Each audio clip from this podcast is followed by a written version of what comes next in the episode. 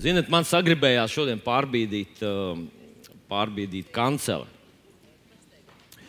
Un galu beigās nu, nav mums tādu kaut kādu rituālu, pie kuriem jāturās gadsimtiem. Vai nevar kanceli pabīdīt par metru uz atpakaļ. Un tad, kad man to sagribējās darīt, es atceros man dēlu teikto, kad viņš teica, ka katru reizi, kad man sieviete paliek stāvoklī, viņa sāk bīdīt mēbeles. tad, tad es sāku domāt, opā, slavu Dievam! Acīm redzot, draudzē būs bērni. Jēzus vārdā. Paklausies, es tiešām ticu, ka šī gada laikā Dievs grib lietot tevi tik ļoti, ka tu atrastu vienu, ieraudzītu vienu cilvēku, ieraudzītu vispirms, izlūgt, atrast, pievestu un padarīt par mācekli.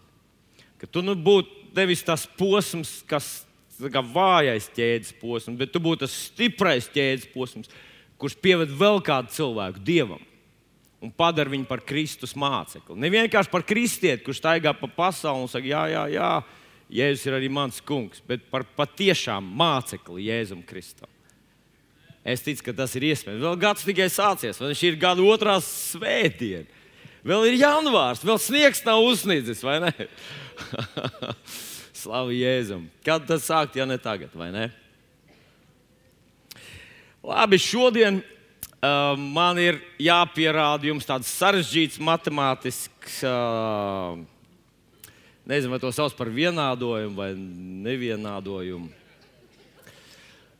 Ka viens ir svarīgāks, nozīmīgāks un ietekmīgāks par tūkstotu vai lielāks par tūkstotu. Nu, tu teiksi, ja ir viens karalis un tūkstots uh, vasaļu, tad viņš ir svarīgāks.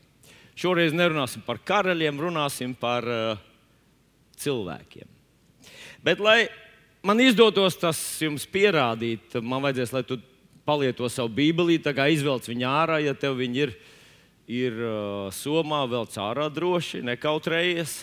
Šī ir tā vieta, kur droši var izrādīt savu bībeli. Un pāris raksturvietiņas mēs atvērsim pirms mēs ķersimies klāt tai tēmai. Un tā pirmā raksturvietiņa ir Mateja Evanģelijas 5. nodaļa, 37. pāns, Mateja 5, 37. Un tur Jēzus saka tādus vārdus. Bet jūsu jā, lai ir jā, un nē, ir nē. Kas pāri par to, tas ir no ļauna. Jūs zināt, kad es apprecēju savu toreiz viņa bija līga, un šodien viņa ir mana sieva. Mums ir tuvu 40 gadiem, kopš mēs esam kopā. Jā.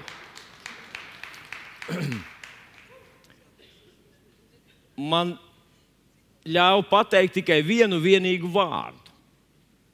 Es biju gribējis daudz ko pateikt, bet man tikai prasīja vienu vārdu pateikt. Jā. Es īsti neatceros, tas mācītājs runāja bezgalīgi garu, visu ko, un beigās viņš no saka, jā. Es arī pateicu, jā. Vēlāk es konstatēju, ko visu es esmu apņēmies ar vienu vienīgu jā. Un ar Dieva žēlastību un palīdzību laulība ir labākais, kas ar manī dzīvē ir noticis. Jau pēc dzimšanas, protams, jā, nevar apprecēties, jo neesmu piedzimis. Bet... Un es esmu priecīgs, ka toreiz pateicu jā. Un bija tāds laiks, kad es domāju, ka kristieši runā tā, jā, jā, nē, nē, jā, nē, nē, jā, jā. jā. Bet vēlāk es tikai sapratu, ka Jēzus šeit domā to, ka, kad tu saki jā, tad tavs jā ir, ir jā. Lai tavs jā nenozīmē, varbūt es padomāšu, vēl redzēs, jā, kā sanāks, kā Dievs gribēs. Ja tu saki jā, Tavs jā ir jā. Kad es pie altāra pateicu jā, un es šādi tādu atgādinu līgai divreiz dienā, ka tu arī teici jā. un viņi parakstījās uz visu. Tā kā slavu Dievam, mēs, mums nav izvēles. Bet, ja Dievs no mums sagaida, ja mēs sakam jā, lai ir jā, vai varētu būt tā, ka Dievs kaut ko saka jā, ka tas nozīmē jā un nenozīmē neko citu kā vien jā? Es ticu, ka tas tieši tā ir. Un, nu, es gribu izlasīt divus pānus tikai vienkārši, lai atgādinātu jums dažas domas. Tas ir no 5. mūža grāmatas, 28. nodaļas. No 1 līdz 15. ir tā vietiņa, kur runāts par svētībām, kā Dievs gribētu tevi svētīt. Tas gan ir teikts vairāk kā pirms nu, 4000 gadu nav pagājuši, bet apmēram, apmēram tuvu tam. Un paklausies, kādus vārdus Dievs tur saka, un atceries to, ka, ja Viņš saka jā, tad tas ir jā. Tas nozīmē, var būt, es mēģināšu, ja kā sanāks, kāds būs laiks vai kā tu uzvedīsies. Viņš saka tā, tātad 5. mūzika, 28, 7. Tavs ienaidnieks, kas celsies pret tevi, kungs, jaunais tulkojums, kungs satrieks tavā priekšā. Pa vienu ceļu tie nāks pret tevi, un pa septiņiem ceļiem tie no tevis bēgs. Un tie, kas kaut ko zina par armijas lietām un kara lietām, zina, ka tas nozīmē pilnīga panika. Kad karaspēks bēg pa septiņiem ceļiem, tā ir pilnīga panika. Tas ir izmisums, tas ir pilnīgi sakāve. Pa vienu ceļu nāk, tas nozīmē organizēt, tas nozīmē nodrošināt, pa septiņiem bēg, tas nozīmē viņi ir met visu, kas vien viņus traucē, skriet, ieročus met, met visu, pamet un vienkārši panikā bēg. Un Dievs saka, tavus ienaidniekus, kas pret tevi celsies, es satriekšu tavā priekšā, un viņi bēgs panikā no tevis. Turpat 13. pāns. Tas kungs darīs tevi par galvu un ne asti. Tu iesi tikai augšup un ne lejup ja klausīsi kunga savu dievu baušļiem, kā es tev šodien pavēlu, lai tu tos turi un pildi. Nav man šodien daudz laika, bet esmu, esmu, esam par to runājuši. Ka nav neviena cilvēka, kurš bija izpildījis visus šos dieva baušļus. Neviena tāda nav.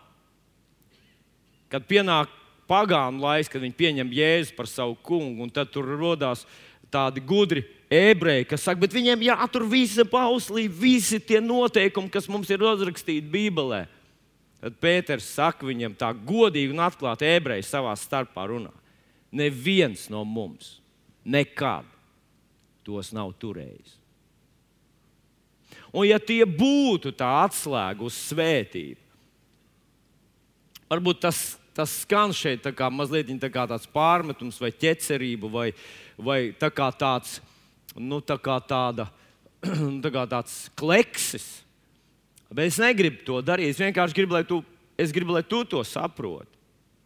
Ka ja tie tiešām Dieva nodoms būtu bijis, ka Viņš iedos šos noteikumus, kas jātur, visus tos entos, entos noteikumus, un tad Viņš varēs svētīt, tad paskatieties, kas tad ir noticis ar Izraēlu tautu, ar ebreju tautu vēsturē. Viņi ir piedzīvojuši visus lāstus, visu līdz pēdējiem, un svētība tā arī īsti nav piepildījusies. Un tas Pāvils mums vēlāk skaidro, kāpēc ka bauslība tika dota lai cilvēki saprastu grēka smagumu. Kā ar baušļiem neviens cilvēks nekļūst taisns Dieva priekšā, jo nav iespējams cilvēkam to izdarīt. Un cilvēks saskaroties ar bauslību, saprot, ka ir tik samaitāts no iekšpuses, ka bauslība mums pierāda, ka mums ir vajadzīgs glābējs mesija, un turpat visa vecā darība runā, ka vienā dienā nāks viņš. Viņš jūs izglābs, viņš jūs attaisnos, viņš izdzēsīs jūsu grēkus, viņš dos jums to statusu, ko jūs šobrīd cenšaties nopelnīt, bet nespējat Dieva acīs. Un tas ir Kungs Jēzus Kristus, ar mums to viņš ir izdarījis. Un tad ir tās galotiešiem 13. Kristus mūs ir atpircis no bauslības lāsta, mūsu labā kļūdams par lāstu, lai Abrahāma svētība nāk par pagānu tautām Kristu Jēzu mūs, par mums. Tā, ka ticībā mēs saņemam garu apsolījumu. Pat līdz tam tas ir augstākais, kad Dievs savu garu par mums var izliet. Tātad Dievs ļoti tieši, ļoti konkrēti bija gribējis svētīt. Viņš ir tas, kurš grib svētīt. Viņš saka, man ir prieks par svētību. Pašā Bībeles sākumā viņš saka, izvēlies svētību, lai es tevi varu svētīt. Man nav prieka par bezdievu nāvi. Mums tas ar tevi būtu jāzina, ka Dievam patīk darīt labu un ne, nesodīt. Un kad viņš saka šos vārdus, es tev likšu kāpt kalnā, un tā vienaidnieki tiks sakaut tavā priekšā. Es tev darīšu par galvu. Viņš runā no savas sirds. Es gribu to tā, kā tu to saki savam dēlam un savai meitai. Es gribu, lai tavā dzīvē tev viss būtu labi. Nu, lūk, šie ir tie divi panti, kurus es ieliku pamatā. Un, un, uh, vispirms saprotam, ka Dievs, uh, ja kaut ko saka, tad Viņš tieši to arī domā. Kā rakstīts, melns uz balta. Jā, ir jā, nē, nē. Un viņš saka, es sakaušu tavus ienaidniekus, un pacelšu tevi, un svētīšu tevi, un tu ar vienu ies augšu. Un ievēro, nekad leju. Ne, man tas, pa, zinot, ko man patīk Dievs. Viņš nav, viņš nav advokāts, viņš nav jurists. Viņš nesastāv līgumu ar tādām mentām, visām atrunām, kad, kad tu paņem apdrošināšanu, tu gribi aizbraukt ceļojumā uz Liepāju un nopērc apdrošināšanu. Tad tur ir tu samaksā, un tad ir divas, trīs lapas pusīgā rokrakstiņā, kur viss ir atrunāts, ka, ja tu, ja, vārds kaut neko mēs tev nemaksāsim. Nu, jūs man piekritīsiet, vismaz esmu pāris reizes ar to saskāries. Nu, lūk, un tad vēl viens pāns, kas man jums ir jāparāda, pirms mēs dodamies tajā stāstā visā, un tas ir kā morāli. Jūs zināt, Gogolim kādreiz bija tādas, nu, kā, kā, kā, kā tas saucās, eh, Liltiņ? Nu, kā tos, eh, kas? Fabuls, jā, un tad katrai fabulai bija morāli. Visa šī stāsta morāli ir salikta vienā pantā, un tas pants ir dimants. Es gribu, ja tu mācies raksturvietas no gala. Šī ir viena no raksturvietām, kur tev kalpos un kalpos un kalpos. Un tā ir Evizīša vēstulē, 4. nodaļa, 17. un 18. pāns. Evizīšiem 4, 17, 18. Ko tad mēs te lasām? Viņš saka, tā, tad nu es jums piekodinu, tas kungs, mans liecinieks. Paskatieties, es jums piekodinu, tas kungs, mans liecinieks, vairs nedzīvot kā pagāni dzīvo, savu sirdsprātu tukšībā, savas nezināšanas dēļ un sirds apcietinātības dēļ. Aptumšojušies savā sapratnē un atsvešinājušies dzīvībai, kas no Dieva. Tas vārdiņš, ko es iekrāsoju, atsvešinājušies, angļuiski ir vārdiņš alienated. Nu, tā kā varbūt man nav precīzi izruna, bet tā doma ir tā kā, tā kā alien, tā kā cits planētietis, dzīvībai, kas no Dieva tā kā citplanētietis. Un ievēro, viņš te runā, protams, par, par neticīgu cilvēku. Kad neticīgs cilvēks viņš vispār nesaprot, viņam ir aptumšotas acis, un viņš, viņš tu viņam stāsti. Tāpēc kādreiz šķirt vaļā Bībeles lapspusīs un rādīt neticīgam cilvēkam, tas ir tas pats, kas pēles mētāts cūkām priekšā. Viņš vienkārši, nu, nu, nu, nu, vienkārši viņš nevar tajā iebraukt iekšā. Viņš nesaprot, ko tu, tu galīgi nojūdies, tu esi galīgi nu, ie, iezombēts, ko tu tur vispār, kas jauns radījums, kas tu ko esi. Nu, Viņam vienkārši vajag dzirdēt, ka tu esi pieņēmis jēzu par savu kungu, tavā sirdī miers, prieks. Dievs ir izmainījis, pieskāries tev un tad pastāst pa visiem cilvēciskiem vārdiem, kā tas tev ir. Ar to viņam pilnīgi pietiek. Bet ievēro, ka Pāvils te runā arī par kristiešiem. Viņš saka, tas kungs, mans liecinieks, es jums to pateicu. Tas ir tā, tas ir tā ziniet, ko es jums pasaku noslēpumu. Un Dievs šeit ir mans liecinieks, ka es jums to esmu pateicis. Un tad viņš saka, nedzīvot kā pagāni dzīvo. Un tad viņš lieto šo sirds prāta tukšībā. Sirds prāta tukšībā. Mana pārliecība tā ir, ir tāda, ka sirds prāts ir tas, ko tu redzi, kas, kas ir tavs fokus tavā sirdī. Ne tavās acīs, ne tavās, um, nu, gandrīz gribēju teikt, gigabaitīgajās smadzenēs. Nu, iespējams, ka nemaz nav gigabaita salīdzinot ar, ar, ar Dievu visu to lielo resursu. Varbūt tur ir viens, uh, viens uh, Olīte, ko tu teici? Olīte teica, volts, bet nē, nu, volts ir pilnīgi kaut kas cits. Nu, Sakot, es nerunāju par tavām smadzenēm, kuras tu lieto veikalā, kad tu kalkulātoru tagad uh, rēķini pie sevis cītīgi, cik tev izdos. Es arī vienmēr rēķinu, bet es tā nemanot paskatos uz to, cik tur tajā lodziņā pie kas aparāta ir.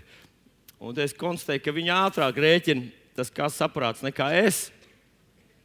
Un šādi tad es kļūdos rēķinot. Un es kaut kādus dodu, kaut kādas kapeikas, un viņi saka, priekš, tas skatās man priekš kam. Nu, ja nevajag. es domāju, viņai būs vieglāk, bet izrādījās, ka nevajag. Nu, ne par to es, ne, tas ir tas sirdsprāts. Sirdsprāts ir tas, ko tu redzi, ko tu redzi un ko tu dzirdi, un tas, kā tu redzi. Un šeit es gribu teikt, ka uh, es mācos, es vēl neesmu nonācis līdz uh, pilnībai tajā, bet es mācos Dievu vārdu Nevis vienkārši domāt un skaitīt kā tādu skaitām pantiņu, kāda mēs kādreiz skaitījām Ziemassvētkos, salavecim priekšā pantiņu, un tad tu noskaitīji viņu, bet no vidus tu vairs nevarēji jāsāk, bija no sākuma. Tu neatceries, ko tu vienkārši tur pam, pam, pam. Nu, tā kā jūs lūdzat uh, uh, to mūsu tēvs debesīs. es speciāli izslēdzu mikrofonu, jo uh, nu, Es domāju, nu, lai mēs varam brīvi to darīt, bet jūs tik ātri, es nespēju tik ātri izrunāt, ka mūsu tēvs debesīs svētīs, lai tavs var nākt to valstī, tautrā, lai notiek ir mērķams. Amen. Ko tu lūdz? Es varu vēlreiz. bet es īsti neatceros, ko. Nu, es mācos ieraudzīt to, ka katrā dieva vārdā ir, uh, katrā dieva vārdā pantā ir kaut kādas kā aplikācijas. Jūs atceraties, kādreiz bērnībā mēs taisījām aplikācijas izgriezām no papīra kaut kādu, kaut kādu figūriņu un tad uzlīmējām tajā savā kopējā zīmējumā. Un tad no šīm daļiņām veidojām to kopīgo attēlu. Un esmu pārliecināts, ka katrs dievu vārdu pāns nu, ir arī tādi, kuros varbūt ir kaut kāds paskaidrojošs, bet ir tādi panti, kuros ir tieši šīs detaļas. Un īsta dievu vārdu kontemplācija vai meditācija par dievu vārdu ir paņemt šo detaļu un ielikt tai savā ainā, ielikt tai savā kopējā zīmējumā. Nevis vienkārši iemācīties no galvas pantiņu, bet ieraudzīt to, kas tas ir. Vai tā ir saulīte, vai mēnesis, vai tas ir kalns, vai ir, tas ir koks, vai, vai tīģeris, vai kas tas ir. Paņemt to un ielikt pareizā vietā, tai savā zīmējumā. Un tad, kad tu aizver ciet savas acis, un, un uz mirklīti atslēdz tās savas ļoti jaudīgās kalkulātoru smadzenes, kas rēķina, cik jāiedod un cik jāmaksā. Un paskaties savā dzīvē ar savām sirds acīm, ko tu redzi. Un tās ir tās sirds acis. Un viņš saka, ka pagāni vai vidusmēra cilvēks pasaulē viņas nelieto pareizi. Un tas bija kāds laiks atpakaļ, kad es paskatījos, kas tad ir manā sirds prātā. Un es ieraudzīju, ka tur ir pavisam parastas lietas. Tur ir kaut kāds, kur kaut kas jānomaksā, jānokārto, jāizdara, tur kaut kas ar maniem, kaut kāds pavisam. Pavisam tā kā Jēzus, kad viņš runāja par augstnēm, tad viņš teica, ir tādas augstnes, kurās ir nu, šīs pasaules lietas, pavisam parastās ikdienas lietas un, un bagātības viltība. Un tad viņš saka, tās apcietina. Un ja mūsu šis sirdsprāts ir tukšs, tad radās nezināšana. Tad mēs nezinām, kas, ko, kas notiks, kā jārīkojas, ko Dievs darīs. Un kad ir nezināšana, tad radās cietas sirds. Un, kad ir cietas sirds, tad sekas ir ļoti vienkāršas. Tu vairs nesaproti, aptumšojies savā sapratnē, un tad radās tas, kad ir kā dzīvība, bet tu esi no tās svešs. Tu, tu tā kā, kā it kā jā, un tajā pašā reizē tas ir kaut kas pilnīgi no citas planētas, no citurienes. Un tā nevajag dzīvot. Šodien es tev to saku, tas kungs ir mans liecinieks. Nedzīvo kā pagāni, dzīvo savu sirds prāta tukšībā, savas nezināšanas dēļ un sirds apcietinātības dēļ. Un aptumšojušies savā sapratnē un atsvešinājušies dzīvībai, kas no Dieva. Varbūt tā, ka kristietis ir atsvešinājies tai dzīvībai, tam priekam, mieram, dziedināšanai, viņa vadībai, viņa balsī, viņa, viņa uh, es nezinu, nu, kas uh, visām tām brīnišķīgām, viņa mīlestībai, jā, kas no Dieva. Varbūt tā, ja kristietis dzīvo ar tukšu sirdi, vienkārši tajā ir tikai, tikai ikdiena. Un tāpēc šodien mēs runāsim par cilvēku, kurš tā nedzīvoja. Un, uh, mēs runāsim par kādu vīru no otrās ķēniņa grāmatas, sestās nodaļas. Tas raksts būs pagarš, otrā ķēniņa grāmatas sastāvā nodaļa, no 8, no 8 līdz 19 pantam.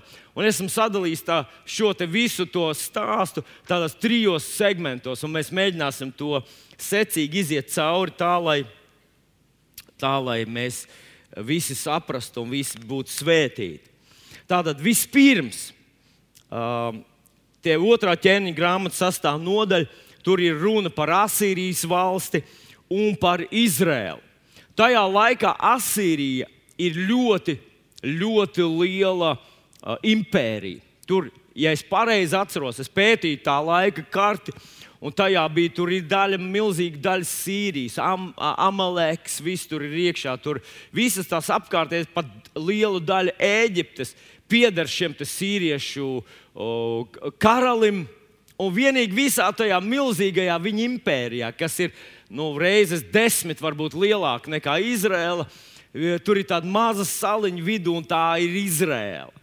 Un viņš ir varants ķēniņš. Tajā laikā viņš valda, viņam liekas, ka viņš valda par visu pasauli. Un viņam traucē šī sīkā, mm, dumpīgā, nepakļāvīgā uh, valstiņa. Tā ir Izraela. Un šis ķēniņš viņš izlemj, Arams ķēniņš, viņš izlemj, ka viņš sāks uh, savu ofensīvu pret Izraelu, un viņš sūta, es izlasīšu, kā tas ir uzrakstīts, revidētajā tekstā, un mazliet pēc tam paskaidrošu. Tātad Arams ķēniņš karoja pret Izraelu. Tas apspriedās ar saviem karavadoņiem un sacīja: Es uzcelšu savu nometni tādā un tādā vietā. Tad Dieva vīrs sūtīja ziņu Izraēla ķēniņam un lika viņam sacīt, sargies, iet šai vietai garām, jo tur ir paslēpušies aramieši. Un Izraēla ķēniņš sūtīja gan uz to vietu, par kuru Dieva vīrs tam bija sacījis, no kurienes viņš to bija brīdinājis, un tur paglābās nevienu, ne divas reizes vienu. Un Aram ķēniņš sirds bija sašutis par šo lietu. Viņš aicināja savus karpulku vadoņus un sacītiem, vai jūs varat pateikt, kurš no mums ir Izraēla ķēniņš, kurš no mums ir sadarbojies ar Izraēla ķēniņu. Tad viens no viņa karpulku vadoņiem atbildēja, tā nav. Mans kungs un ķēniņš, bet pravietis Elīze, kas dzīvo Izrēlā, pastāsta Izraēla ķēniņam tos vārdus, kurus tur runā savā guļamistabā. Un tad viņš pavēlēja, ejiet un apskatiet, kur viņš ir, lai es sūtu un lieku viņu sagūstīt. Un kad viņam tika teikts, ka Elīze atrodas Dotanā, tad viņš uz turieni sūtīja zirgus, ratus, stiprus karapulks, un tie atnāca naktī un ielēca pilsētu. Nu, tā tad, ko tad mēs te redzam? Nu, mazliet, varbūt mūsu revidētais teksts, viņš tik, tik precīzi nepasaka, bet es papētīju e, citos, e, citās bībelītēs, kā tur tas tiek izstāstīts. Un tas stāsts ir tāds, ka viņš, tas Arams ķēniņš nedodas tādā masīvā uzbrukumā, bet viņš sāk ar to, ka viņš sūta sirotājus. Zinat, sirotāji tā ir tāda mobila, mobila karaspēka vienība, kas negaidīti ier, ierodās kaut kur. Un, un viņa plāns bija tāds, ka viņš aplaupīs tās bagātākās Izraēlas daļas, vienkārši sūtot tādas negaidītas, spēcīgas vienības, kas iebrūk, izlaupa visu un nogalina cilvēkus un tad atgriežas atpakaļ, un lēnām viņš noplicinās un padarīs vāju to Izraēlu. Un viņš tā dara. Viņš izplāno savā tajā apspriedē, ka mēs sūtīsim turp tagad mūsu spēcvienību, un viņi tur, var sakot, tādā vārīgā vietā aplaupīs.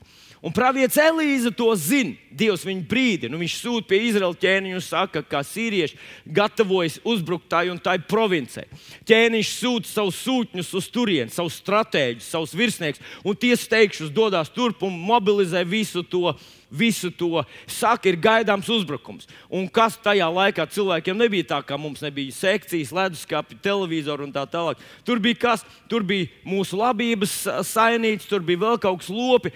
Un visi tā, visa tā province, viņi sagatavojās tam. Cilvēki visu saved iekšā pilsētās, aiz, aizmūrēja vārdus. Un tad, kad aramieši pēkšņi uzrādās, Skatās, nekā tur nav. Nekā nav ko laupīt. Visi ir pilsētā un skatās uz viņiem tur pa mazajām maciņām, gatavi akmeņiem mest un tā tālāk. Un viņi nav gatavojušies aplenkt pilsētas. Viņi ir gatavojušies viegli uzbrukt, paņemt savu un atkal doties atpakaļ. Un viņiem iznāk nu, neveiksmi. Viņi pārplāno labi. Tur nesanāca, mēs dosimies uz, uz citu vietu. Un tā trīs reizes. Trīs reizes aramieši ierodās, visi zina, ka viņi būs, visi ir gatavi, viņiem nekas neizdodas. Viņi dodas atkal, atkal nekas neizdodas. Viņi dodas trešo reizi, nu viņi tās tiešām slepeni. Nu, tikai daži virsnieki zina, tikai tie, kas tiešām turp dosies. Un viņi atbrauc. Visi ir atkal gatavi, visi zina, jau māja, čau, jau mēs jūs gaidījām. Ja, nu, uh, pasveiciniet savu ķēniņu. Un, tā, tā. un viņi ir izmisumā. Tas ķēniņš sasauc savējos un saka, kas notiek kāds viņus informē par mūsu nodomiem. Un tā vietā, lai viņš saprastu, tagad, ka tas ir Dievs, kas karo pret viņu, viņš ir tik akls. Jūs zināt, mīlīgi cilvēki var būt tik ļoti akli. Nu, viņš laužās ar pieru daudzās durvīs, un kādreiz tu viņam saki, nedara tādu, paskaties, tas iznīcina tevi. Nē, bet. Nu, lūk, un interesanti, ka kāds zina, ka tur ir tāds pravietis. Un ķēniņam saka, viņiem ir tāds pravietis Dotanā. Ziniet, ko es meklēju to Dotanu? Es gribēju zināt, cik tajā Dotanā ir cilvēku. Un es nevarēju atrast nekādas ziņas par Dotanu. Dotana vārds ir, bet cik tur, cik tur augsts mūri, biezi mūri un tā tālāk. Neko es, un es izsacināju, ka tā ir neliela pilsētiņa vai neliels ciematiņš. Un es izdomāju, ka tur ir, nu, nu cik, nu, ja tur ir simts, ja tur ir simts vīri, nu, simts vīri vajadzētu būt, lai būtu pilsēta, vai ne? Katram vīram vismaz viena sieviete, 200 cilvēki, un tad katram ir vēl 5 bērni. Tas ir minimums tam laikam, pareizi. Tātad uh, 100, 500 bērni. Nu, es, es rēķināju, vēl tur kāds vēl radinieks atbrauc, un tā tālāk, vēl sievas māte dzīvo, un, un, un, un, un, un tā tālāk. Vārds, kaut pie tūkstošiem cilvēkiem dzīvo tajā dotanā. Un Elīze tur dzīvo. Un tas arams ķēniņš izdomā tā. Ah, tur, kur Dotanā? Dotanā viņš paskatās uz kartes. Tas ir tāds mazs, tā kāda atstiņa, tāds punktiņš. Un viņš saka, ok, paņemsim savus labāko vienību, dodamies uz Dotanu un atvediet man to cilvēku. Likvidējiet šo problēmu, lai mums šādas problēmas nav. Un tas ir tas stāsts, tad dramatiski notikumi, dramatiski izglābšanās. Liela Asirija karo pret mazo Izraēlu un viņam nekādīgi neizdodas trāpīt nesagatavotiem šai, šai nelielajai tautiņai. Un tad sākās tas otrs posms, kas, kuru es nosaucu uh, akšausmas. Nē, tā, tā nebija īsti.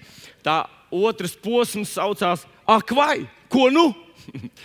tas ir tāds uh, labs, labs dieva vīra kalpa teksts. Ak, vai ko nu?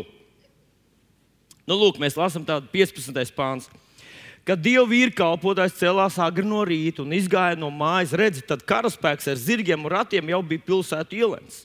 Un viņa puistam sacīja, ak, vai! Mans kungs, pamēģinām visu kopā, ak, vai! O, ziniet, gandrīz jādomā, ka viņi ir latvieši. Un tad pamēģināsim, ko nu? ak, vai ko nu? Nu, ļoti labi, ka tu aizies uz savu mājas grupu un tev kāds stāsta par savu problēmu. Tu viņiem saki, ak, vai! Ko nu? Ko nu? Ak, Dievs! Tad, ak, Dievs, tad, ja tu esi ticīgs jau vismaz 5 gadus. Ak, vai ko nu, saka parasts cilvēks, un tu saki, ak, vai ko nu, ak, Dievs, tas nozīmē, ka tu esi ticības vīrs. Nu, tātad šis vīrs saka tādus vārdus: Ak, vai mans kungs, ko nu darīsim? Bet viņš atbildēja: Nebīsties, jo to, kas ar mums ir vairāk nekā to, kas pie viņiem. Un Elīze lūdza Dievu un sacīja, Kungs, lūdzams, atver viņam acis, ka viņš var redzēt. Un tas kungs atvēra puikas acis, kad tas redzēja, un lūk, kalns bija pilns ugunīgu zirgu un ratu visapkārt ap Elīzi. Nu, uz mirklīt aizmirsīsim par ratiem un zirgiem, labi? Bet padomāsim pašu faktu. Elīze ir pravietis. Un tā ir tad, kad asirieši gatavojās uzbrukt tur kaut kādai citai svešai tālai provincei, Elīze saņem no dieva ziņu, ka viņi gatavojas uzbrukt tur kaut kur tur, nu, popē, teiksim. Un viņš sūta uh, Mārim, premjeram uz, uh, uz uh, vecrīgu, un Māris sūta, kas mums ir aizsardzības ministrs. Raimi, Raimondu, ja Raimonds ņem uh, savus uh, bruņurupučus, ne, bet viņš ņem visus savus visus savus čomus, viņi dodas uz popu, un popai viņi visu sagatavo. Tad, kad asirieši atnāk tur, nu, viss ir gatavs. Vienreiz, otrreiz, trešreiz popi ir izglābta, bauska ir izglābta. Kas vēl? Kas, kas vēl ir? Sigulda ir izglābta. Jā, es ieraudzīju Kristu, mums tas sēž. Sigulda arī ir izglābta. Tagad šie izdomā doties uz Dotanu, un Dotana ir tur, kur dzīvo Elīze. Un Elīze tā, kungs, Dievs, kāds, ko tu man gribi teikt? Un Dievs saka, neko. Vai ir kāds brīdinājums? Nē, nav nekāds brīdinājums. Vienkārši pielūdz man, vienkārši slavē un pielūdz man. Un Elīze tikai halleluja, un tā kā Elīze te šodien. O, es tu lielāks, es mazāks, es tikai slavēju un degu tikai. Ja? Nu, lūk. Un tagad viņš tā visu vakaru vakarā nu, pavadīja, kalps jau sen guļ, bet Elīze visu laiku tikai deg. Dieva priekšā. Nākošā rītā kalps pieceļās, saka, ties, ko nu? Viņš saka, mūsu dotana ir ielēkta.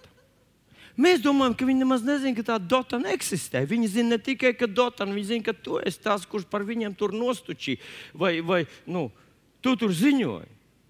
Un paskatieties to lielo nu, pārpratumu, kādu var atzīt tā situācija. Tu palīdzēji, tu iestājies. Tad, kad kādam bija grūti, tu tā kā dieva gara vadīts tur gāji. Un nu, tā pati nelaime, tikai daudz konkrētāk, tikai daudz brutālāk, pienāk pie tava dzīvokļa durvīm.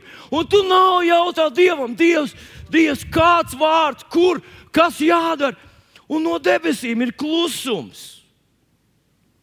Un mēs zinām, vispirms, ka Elīze jau bija gados. Viņš bija, viņš, nu, es kaut kur pat lasīju, ka viņš bija varbūt drusku jaunāks par Elīju. Elīju viņa paņēma par mācekli tad, kad viņš jau bija plikpauris. Viņš bija jau no savu dzīvi nokārtojis, viņš bija uzņēmējs, viņš strādāja smagi uz laukiem. Un tad Elīja viņu paņēma par savu mācekli, viņš visu radikāli atstāja. 17 gadus viņš to vien staigāja, un gadiem, kamēr Elīja slēpās, kamēr viņam bija depresija periods, viņš pazaudēja savu uzvaru. Elīza, šis te Dieva vīrs, vienkārši staigāja ar viņu kopā un uzticīgi viņam kalpoja. Un tagad viņš ir šeit. Trīs reizes viņam sanāca tāda uzvara, lai gan Izrēlā tajā laikā ir tāds atkrišanas periods. Un nu Dievs nebrīdina viņu, neko nepasaka, nekā neuzmundrina, nesūta ķēniņu viņam palīdzīgā. Nav neviena, viņš ir viens. Un viņa māceklis, kuru viņš paņēma, lai izaudzinātu viņu par pravietu, un es domāju, ka Elīze arī nepaņēma kur katru. Viņš atcerējās, kā Elīja viņu bija paņēmis. Viņš bija lūdzis un meklējis, un tagad atradis vienu puisi, paņēma to puisi, stāstīja, kas viņš ir un par ko viņš viņu grib izaudzināt. Un tā vietā, lai tas puisis ienāktu, teikt, Dieva vīrs, Dievs ir ar mums, viņš saka, ak, Dievs, ko nu? Tu gribēji vismaz vienu, kurš saskata tevī kaut ko vairāk nekā parastu cilvēku. Tu viņam vēl maksā par to. Un viņš saka, šausmas, kā mēs brīnumaini līdz šim izglābāmies. Tagad būs vēl sliktāk. Un starp citu, tās visas domas, kuras tev un man ir pazīstamas, nemaz jau tik perfekts es nebiju. Varbūt es kā drusku paaugstinājos, kad izglābu vienu pilsētu, popē palīdzēju, Bausku izglābu, Siguldā tur vispār. Jo tā kā kaut ko es esmu salaidis grīstē. Man tā, man tā bija īpaši, kad es biju jauns mācītājs. Es sestdienas vakarā es slavēju Dievu, es slaucu uz, Dievu, uz debesīm, es lūdzu, es lūdzu, es lūdzu, gan kādu par to lielāko brīnumu. Zinat, Un es sajūtu, jā, ir, ir, jā, aleluja.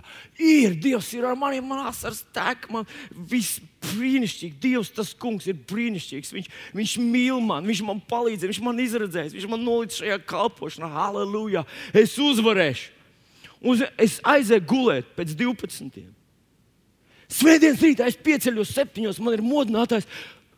Nav! Ko es izdarīju pa nakti, Dievs? Es Dievs, kas, kas ir? Kur ir? Kā es nevaru kāpt augšā, ja tevis nav? Es nejūtu, Dievs, kas ir? Un es saucu, saucu, saucu, kur tu esi?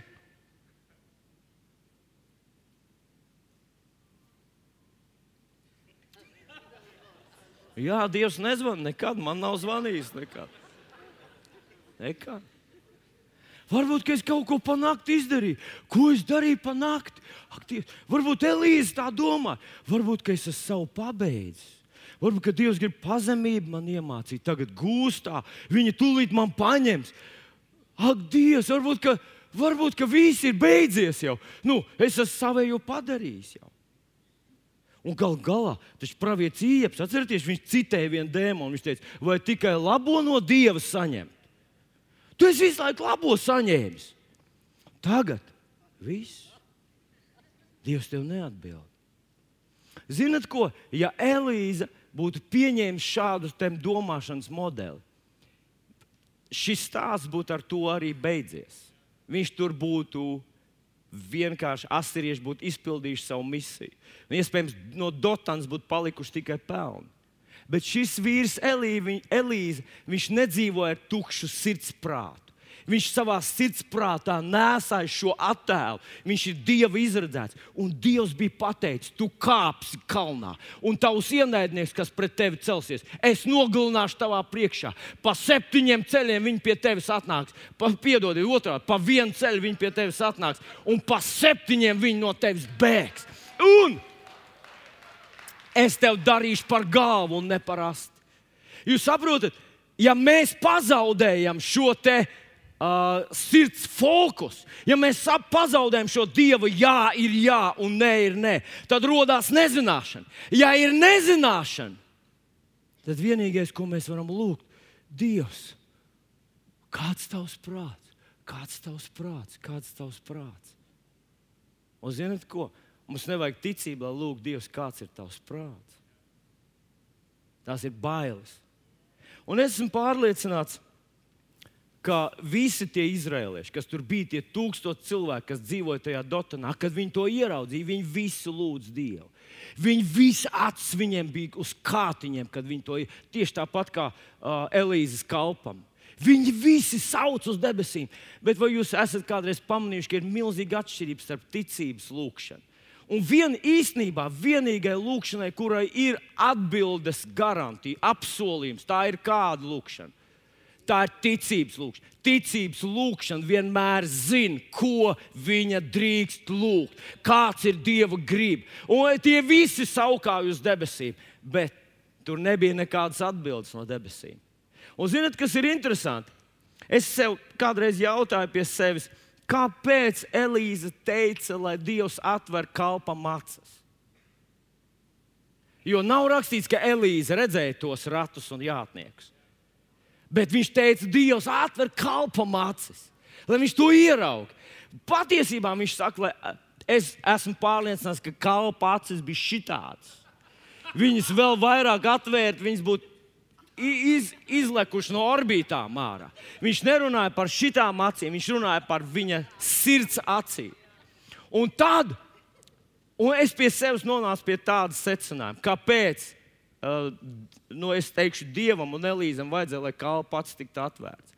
Nu, vispirms tas bija tāpēc, es tā domāju, ka tev vajag vismaz vienu cilvēku, kurš ir ar tevi vienā prātā. Kurš nevis saka, ak, vai, ko nu, kuks! Bet, bet kurš saka, mēs tiksim tam cauri. Dievs ir ar mums! Zini, tas, tas tev padara uzreiz divreiz stiprāku. Ja tev ir kāds cilvēks, kurš tu pazaudē darbu, vai tev kaut kas sāp, vai tev kaut kur sāp, vai tev kāds ienaidnieks, vai tev kāds pretinieks, vai tev kāds uzbrukums, vienalga, kas tavā dzīvē arī nebūtu, tev vajag vismaz vienu cilvēku, kas saka, Dievs ir ar mums! Mēs neesam pazuduši! Tas tev uzreiz padara stipru. Otra lieta, kāpēc es domāju, ka uh, Elīze lūdza, lai Dievs atver viņam acis, tāpēc, ka tas bija viņa māceklis. Viņam vajadzēja kaut ko iemācīt. Viņš gribēja pēc sevis atstāt cienīgu pravieti. Un tad trešais iemesls, es domāju, ka tie bijām mēs. Ar šī kalpa acīm mēs ar jums ieraudzījām garīgo pasauli. Un tagad paklausies. Tas bija vēl bauslības laikā. Tas bija vēl laikā, kad cilvēki nebija ieguvuši pilnu Dieva bērna svētību, Dieva dēla komplektu, kā mēs ar tevi. Viņi vēl nebija ieguvuši. Un tad viņš saka, tajā laikā to, kas ar mums ir vairāk nekā to, kas pret mums. Un es domāju, ja tas tā bija toreiz, Ja tas tā bija toreiz, ja tas tā bija toreiz, kad cilvēki vēl bija grēcinieki, ja tas tā bija toreiz, kad viņu, viņu asins vēl bija apklāts ar jēru un lopu asinīm, un tās nebija šķīstītas ar Dieva dēlu, Jēzus Kristus asinīm. Ja tas bija toreiz, kad viņam vienkārši bija praviešu svaidījums, bet viņam nebija Dieva bērnības gars pār viņu, ja tas tā bija toreiz, kad Dievs nesauc viņu par mantinieku, par Dieva mantinieku, Kristus Jēzus līdzmantinieku, cik daudz vairāk! Cik daudz vairāk tad, kad uzbrukums nāk pret tevi, tu vari būt drošs, ka tu esi ielemts ar ratiem un jātniekiem, ugunīgiem kareiviem, kas ir tavā pusē. Bet tā lielā lieta, kas man lika daudz domāt, ir, tur ir burtiski pateikts, ka tie rati un jātnieki bija ap Elīzu. Tie visi tūkstoši cilvēki bija izrēlieši. Visi viņi bija apgaizīti, visi viņi bija Abrahama bērni. Un tomēr tur ir konkrēti uzsvērts, ka tie rati un jātnieki bija ap Elīzu. Ap Elīzu. Un man tas liek domāt par to, cik milzīga starpība ir starp vienu cilvēku, kurš vienkārši palasa Bībeli vai vienkārši aiziet uz baznīcu, vai vienkārši Ziemassvētkos saka, Jēzus, jā, es ticu, aleluja, un tā tālāk. Kurš vienkārši saka, jā, Dievs ir labs Dievs, bet nu, mūsu viņš tur nabadzībā, nezinu kāpēc. Dievs var dziedināt, bet nezinu, ko viņš darīs mūsu gadījumā. Un cilvēku, kura sirds acis vai šis sirds prāts ir pilns ar apsolījumiem, viņš redz sevi nevis vienkārši tādas, nu, reliģiskas nostalģijas gaismā, bet viņš redz sevi Dievu vārdu gaismā, Dieva apsolījuma gaismā. Ja viņš teica, ka tā vienaidnieks kritīs tavā priekšā, tad tā ir aina, kuru es redzu, kad man pretīm nāk ienaidnieks. Viņam ir jākrīt viens vienīgs ceļš, viena vienīga Dieva vēlēšanās, viens vienīgs apsolījums. Krīti!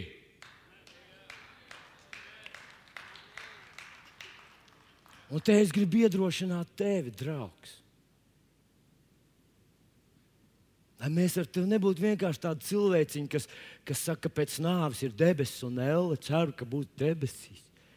Bet lai tu redzi to, ka Dieva jā, ir jā tavā mazajā dzīvē, kā tevi sauc. Viņš zina perfekti, zina, cik tev mātu, zina, kāds asins aina tev ir. Viņš zina, kur tu piedzimi, viņš zina, kā tu piedzimi, zina tavus vecākus. Viņš zina visu tavu dzīvi līdz beigām un ilgi pēc beigām.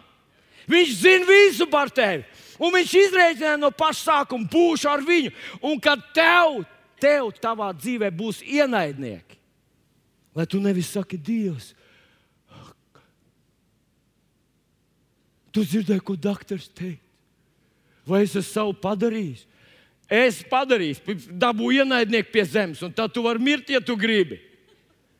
Bet vispirms apsolījums, ienaidnieks zemē, tu galva, tu nosaki, uz kurien tu virzīsies. Nevis skaties, kur kāds cits tevi aizvedīs. Jēzus vārdā. Un, un es esmu pārliecināts, ka ja Elīze nebūtu tāds, kāds viņš bija, tā dotams vairs nebūtu. Bet viņš bija ticības vīrs. Un tu un es mēs varam tādi būt. Mēs varam paņemt šīs divu vārdu aplikācijas, salikt to savā.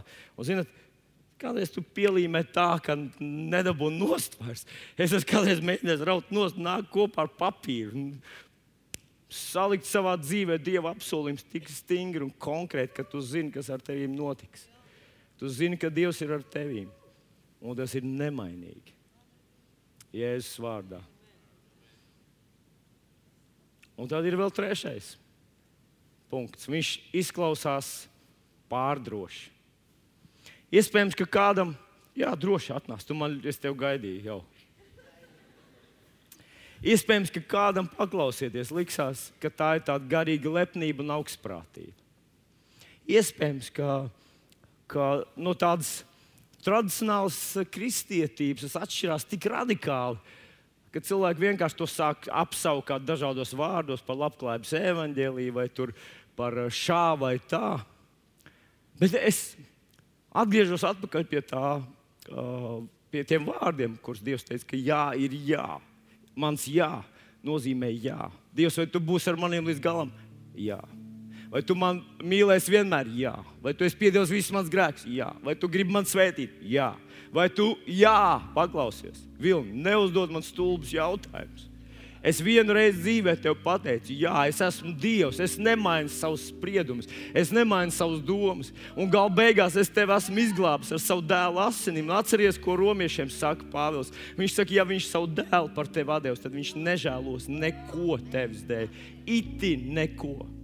Tu vari būt dziļā problēmā, tu vari būt dziļā bedrē, tev var būt smaga diagnoze, varbūt tava situācija ir grūta, un varbūt tas prasīs laiku, lai tu no tās izturētu ārā. Ziniet, ko lielākajā gadījumā tas prasa laiku.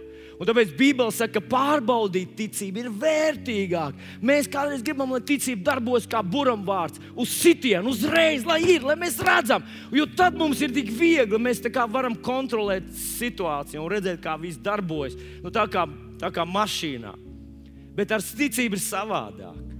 Un es gribētu teikt, ka tagad ir miera laiks, kad tavā dzīvē ir miera laiks.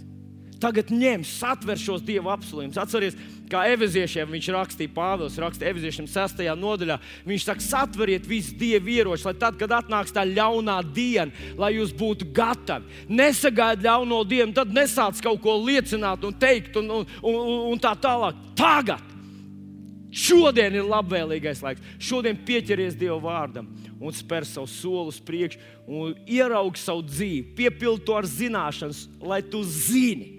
Lai tu zini, lai tu zini, lai zini, zini, zini, tāpēc, ka zini. Ne tāpēc, ka kāds teica, ne tāpēc, ka redz ar savām acīm, ne tāpēc, ka doktors tev atbalsta, ne tāpēc, ka tev kāds deva cerību, bet Dievs tā ir teicis. Un ar to tev pietiek.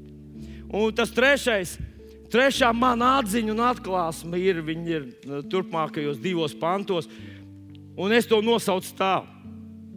Uzbrukums ir iespēja paplašināt savas teritorijas.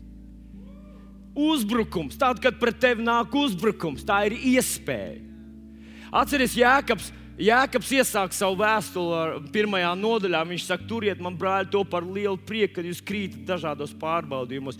Ne tāpēc, ka Ne tāpēc, ka tas ir viegli. Nē, mums ir grūti, pārbaudījumi ir grūti. Bet šo dzīvi nav iespējams nodzīvot bez tiem brīžiem, kad tev kāds gāž. Nav iespējams. Atcerieties, bet, bet un, un, jā, un dzīve var būt sarežģīta. Tā ka tu nezini, no kuras puses, kurš zirdziņš, kurš baltais. Uh, ne, es pārteicos, bet kurš no kuras puses tev kāds sitīs. Bet Un, un, un te man, man radās tas pašam tāds salīdzinājums, ka dzīve var būt kā šaha dēlītes. Kad figūras ir paslēptas, it kā viņas redz, un pēkšņi viņas tev sit. Bet šahā ir viens ļoti skaidrs noteikums, kas arī ļoti Dieva vārds to atbalsta. Un tas ir, ka tur ir ļoti viegli atšķirt, kas ir tava figūra, kura nekad tevi nesitīs, un kas ir pretinieka figūra.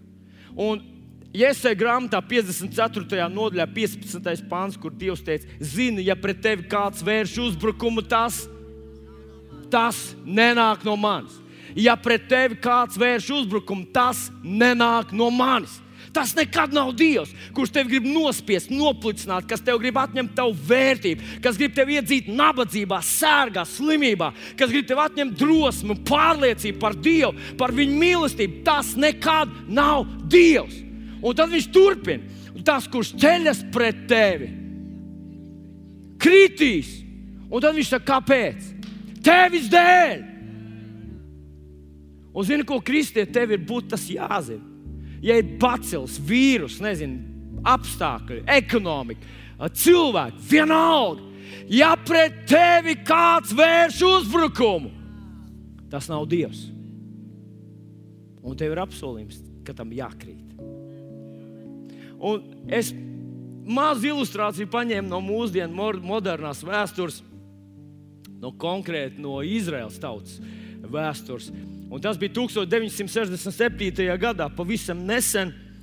Trešo reizi trīs lielas arābu valstis sarunājušas, saplānojušas, uzbruka Izrēlai.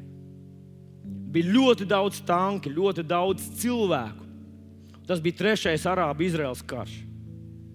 Tajā laikā Izraela bija mazi, mazītiņi. Ja tu paskaties kartēs, tu vari paskatīties ļoti viegli to googlē, atrast šo karti. Maza mazītiņa. Viņi tagad ir viena trešdaļa no Latvijas. Toreiz viņi bija vispār mazul, mazulīta. Un viss šis milzīgās arābu valsts toreiz tā ļoti, ļoti Nu, es, es nerunāju, ka arābi ir slikti. Es runāju, ka tie bija konkrēti Izraels ienaidnieki. Es teicu, mēs viņus noslaucīsim, mēs viņus no, iznīcināsim, mēs viņus vienkārši iegrūdīsim jūrā, un tur vairs būs tukša vieta no Izraels. Un to, šo karu 67. gadā sauc par sešu dienu karu. Sešu dienu karus. Šajās sešās dienās Izraela dubulto savu teritoriju. Es, protams, tas ir mans secinājums, jo es paskatījos uz kartu, kāda viņa bija pirms kara un pēc sešām dienām.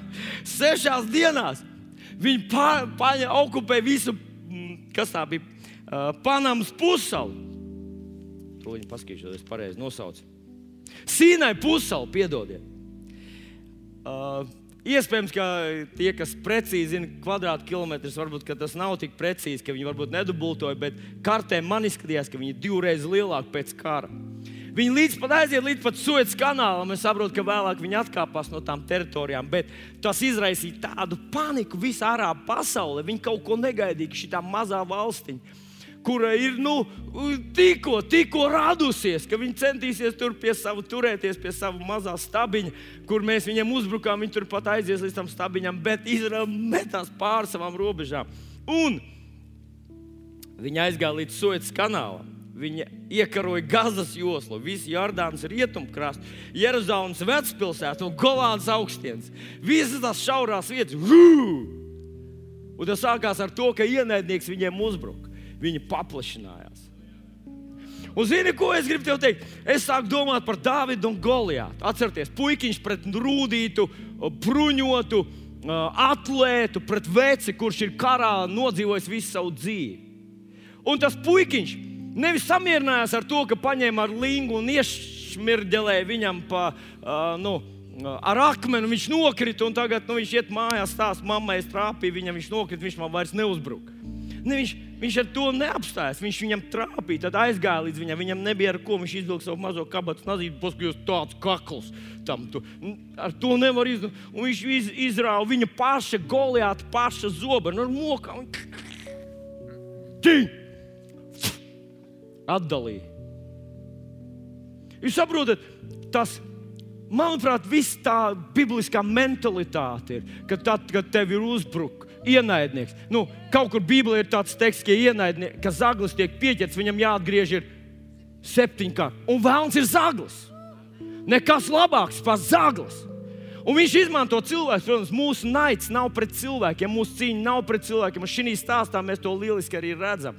Ka Elīze nav tas, kurš gribēja nogalināt tos asiriešus. Viņš viņiem parādīja mīlestību, viņš rīkojās tiešām dievišķi, bet viņš zināja, ka labākais, labākā atbilde šajā situācijā, kad man uzbrūk, ir sitviņas kungs. Vai tu tā teiktu? Es tā pie sevis domāju, es teiktu, kungs, sit viņas ar aklību, lai es paspēju aizšmaut. Bet viņam bija tāds pilnīgi cita mentalitāte.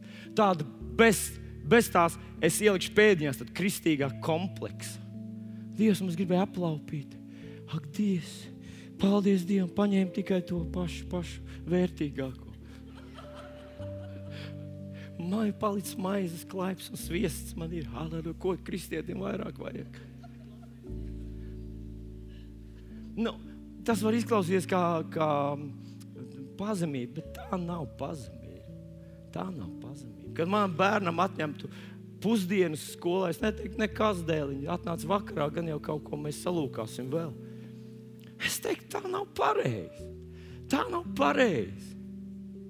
Un Dievs tevi mīl, tu esi viņa dēls, viņa meita. Viņš ir labākais priekš tevis. Visa pasaule īstenībā pieder tavam tētim. Visi derīgie izrakteņi. Mēs vai, mēs, vai mēs varam būt veiksmīgi biznesā? Pajautā vēlnam, vēl steins, nezinu, naudu sabojā cilvēks. Dievs teikt, es radīju zeltu. Mans roku darbs, briljanti, ir mans roku darbs, nafta ir mans roku darbs. Hei, tas nesabojā cilvēku, grēks sabojā cilvēku, uh, mīlestību uz naudu sabojā cilvēku, bagātību nesabojā cilvēku. Tu, protams, vari būt bagāts. Tu vari kristiet, tu vari būt bagāts. Tavu ticības tēvu, visu, kur Bībeles sauc, Abrahams, Īzāks, Jēkabs, visi bija bagāti. Dievs nekaunās sev saukt par bagātu cilvēku dievu. Viņš nekaunās no nabagiem, bet viņš ir nabaks. Tu neesi izredzēts būt nabaks, tu neesi nolemts būt nabaks, tu neesi nolemts būt vājš, slims un nespēcīgs. Tu neesi tam nolemts. Tu esi galva, paņem mans apsolījums un zini, kas ar tevi notiks.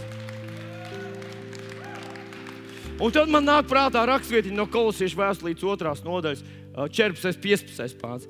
Kur rakstīts, ka viņš izdaldēs pret mums vērsto parādu rakstu ar visām tā prasībām. Paņēmis to no mūsu vidus, pienegodams pie krusta. Tur varēja pielikt punktu, bet viņš nepielika. Viņš ir tā, viņš atbruņojas visas pretvaras. Un tad tālāk paklausies vārdus. Tās atklāt kaunā likdams, atklāt kaunā likdams, Dievs ne, nerisina kaut kur tur pažobelē, kaut kā tur. Nekas, nekas. Mēs te tiksim galā. Viss kārtībā, jā, no ej. Viss. Viņš savu uzvaru demonstrē. Viņš ir Dievs, kurš nekaunās, nebaidās. Viņš ir Dievs, nu, kad vēlams sacēlās debesīs, viņš viņu izpērdelēja ārā no debesīm. Un sacīts tā, ka viņš atsidās pret zemi. Dievs viņu tā svied no debesīm, ka viņš atsidās pret zemi. Nu, ne vienkārši palūdzu, nu, lūdzu, ejiet prom, jā, Vēlna kungs, jā, jūsu laiks ir beidzies. Nē, Bībeles jēzus teica, es redzēju, vēlnu krītam no debesīm. Nevis lecam, bet krītam ir starpība. Un tad viņš iziet, viņš drosmīgi iziet pie tiem sīriešiem, Elīze. Kāps aizmugurē. Ja nu viņi mūs pazīst, ja nu viņi mūs pazīst. Hei, šī nav īstā pilsēta, šis nav īstais ceļš, viņš viņiem saka. Ir, jā, nav, nē, nav. Es zinu, kur jūs ejat. Jā, atkal visu visi zina. Ejam, es jūs aizvedīšu. Un viņš iet, un viņš viņiem stāsta, evanģēlī pa ceļam noteikti stāsta viņiem, ka mūsu Dievs ir īstais, un viņš visu atklāja, un tā tālāk, un šie iet visi tā kā jēri. Viņš viņus ieved galvaspilsētā. Visapkārt ir karavīri, visapkārt ir mūri, viņi ir slazdā, un viņi to nesaprot. Ziniet, kādreiz kaut kur eh, tautas dziesmā saka, ka vadītājs piemetās. Elīze tas bija.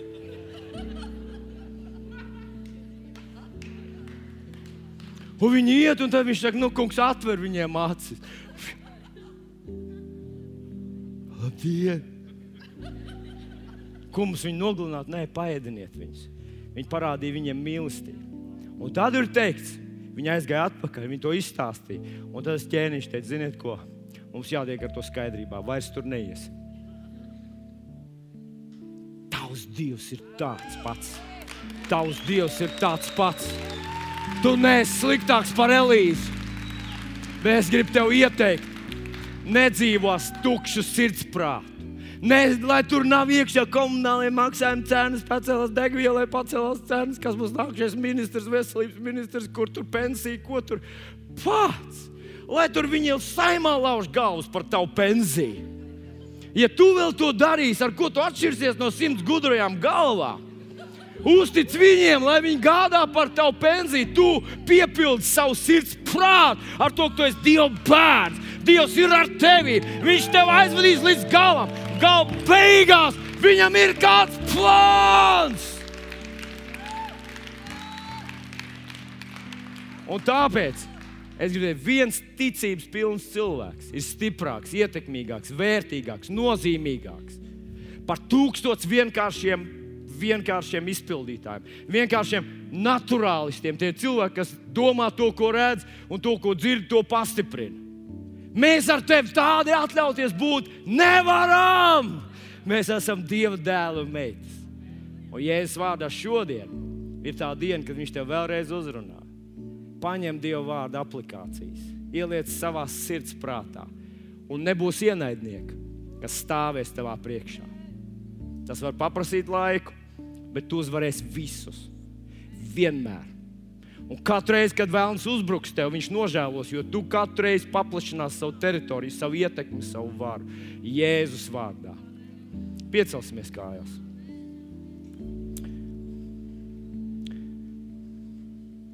Debes Tēvs, mēs Tev no visas sirds pateicamies par šo brīnišķīgo dienu. Mēs pateicamies, mēs esam Tavu dēlu un meitas, un to mēs neesam izgudrojuši. To nav uzrakstījis Augustīns. To ir pateicis pats Dieva dēls Jēzus Kristus. Tu to mums pateici caur savu svēto garu, caur saviem apstuļiem, kur visā deva savas dzīvības, lai apliecinātu, ka tā ir patiesība, ko viņi ir teikuši un liecinājuši. Un mēs to pieņemam šodien no tavas rokas. Un mēs pateicamies, ka mūsu sirds prāts var būt pilns ar taviem apsolījumiem, ar tavu līdzdalību, palīdzību, svētību, ar to, ka mēs varam te uzticēties, ar to, ka mums ir šajā pasaulē misija, un mēs esam neapturami, nenogalinām, neapstādinām, neievainojam, līdz mēs to piepildīsim.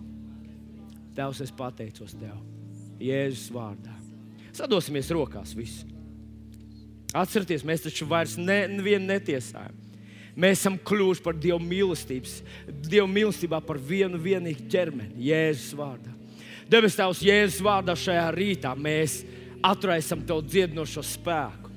Mēs atraisam Tavu glābjošo, atbrīvojošo spēku, un mēs salaužam atkarību varas. Mēs salaužam visādi bailu varas, mēs salaužam vēža varas, mēs salaužam nabadzības varas, mēs salaužam visas demoniskās ietekmes varas. Mēs pieņemam dziedināšanu tagad un šeit, katram, kas šajā rītā ir atnācis, lai to saņemtu no tavas rokas. Mēs pateicamies par spēku biznesā. Mēs pateicamies par dziedināšanu ģimenēs. Mēs pateicamies par stipriem vīriem, ticības vīriem. Mēs pateicamies par ticības sievām. Mēs pateicamies, ka Dotana, mūsu Dotana, ir pilna ar tūkstošu ticības vīriem un sievām. Mēs godinam tevi no visas savas sirds par šo brīnišķīgo uzvaras rītu. Kādu mirkli palūksim garā. Jā. Aleluja! Svētais gars, svētais gars! Mēs padodamies tev, un mēs pateicamies, ka aiziet aklumi, aiziet kurlumi, aiziet sirds problēmas, aiziet iekaisumi, aiziet bailes, aiziet nervu problēmas. Jēzus vārdā vilmaiņas problēmas aiziet. Un mēs pateicamies, aleluja! Mēs pateicamies par to, ka mēs varam uzplaukt tavā godībā kā radošas, stipras, svaidītas personības. Aleluja! Jēzus vārdā. Paldies, Tev, tās. Mēs godinam Tevi no visas savas sirds. Un viss sacīja, Āmen!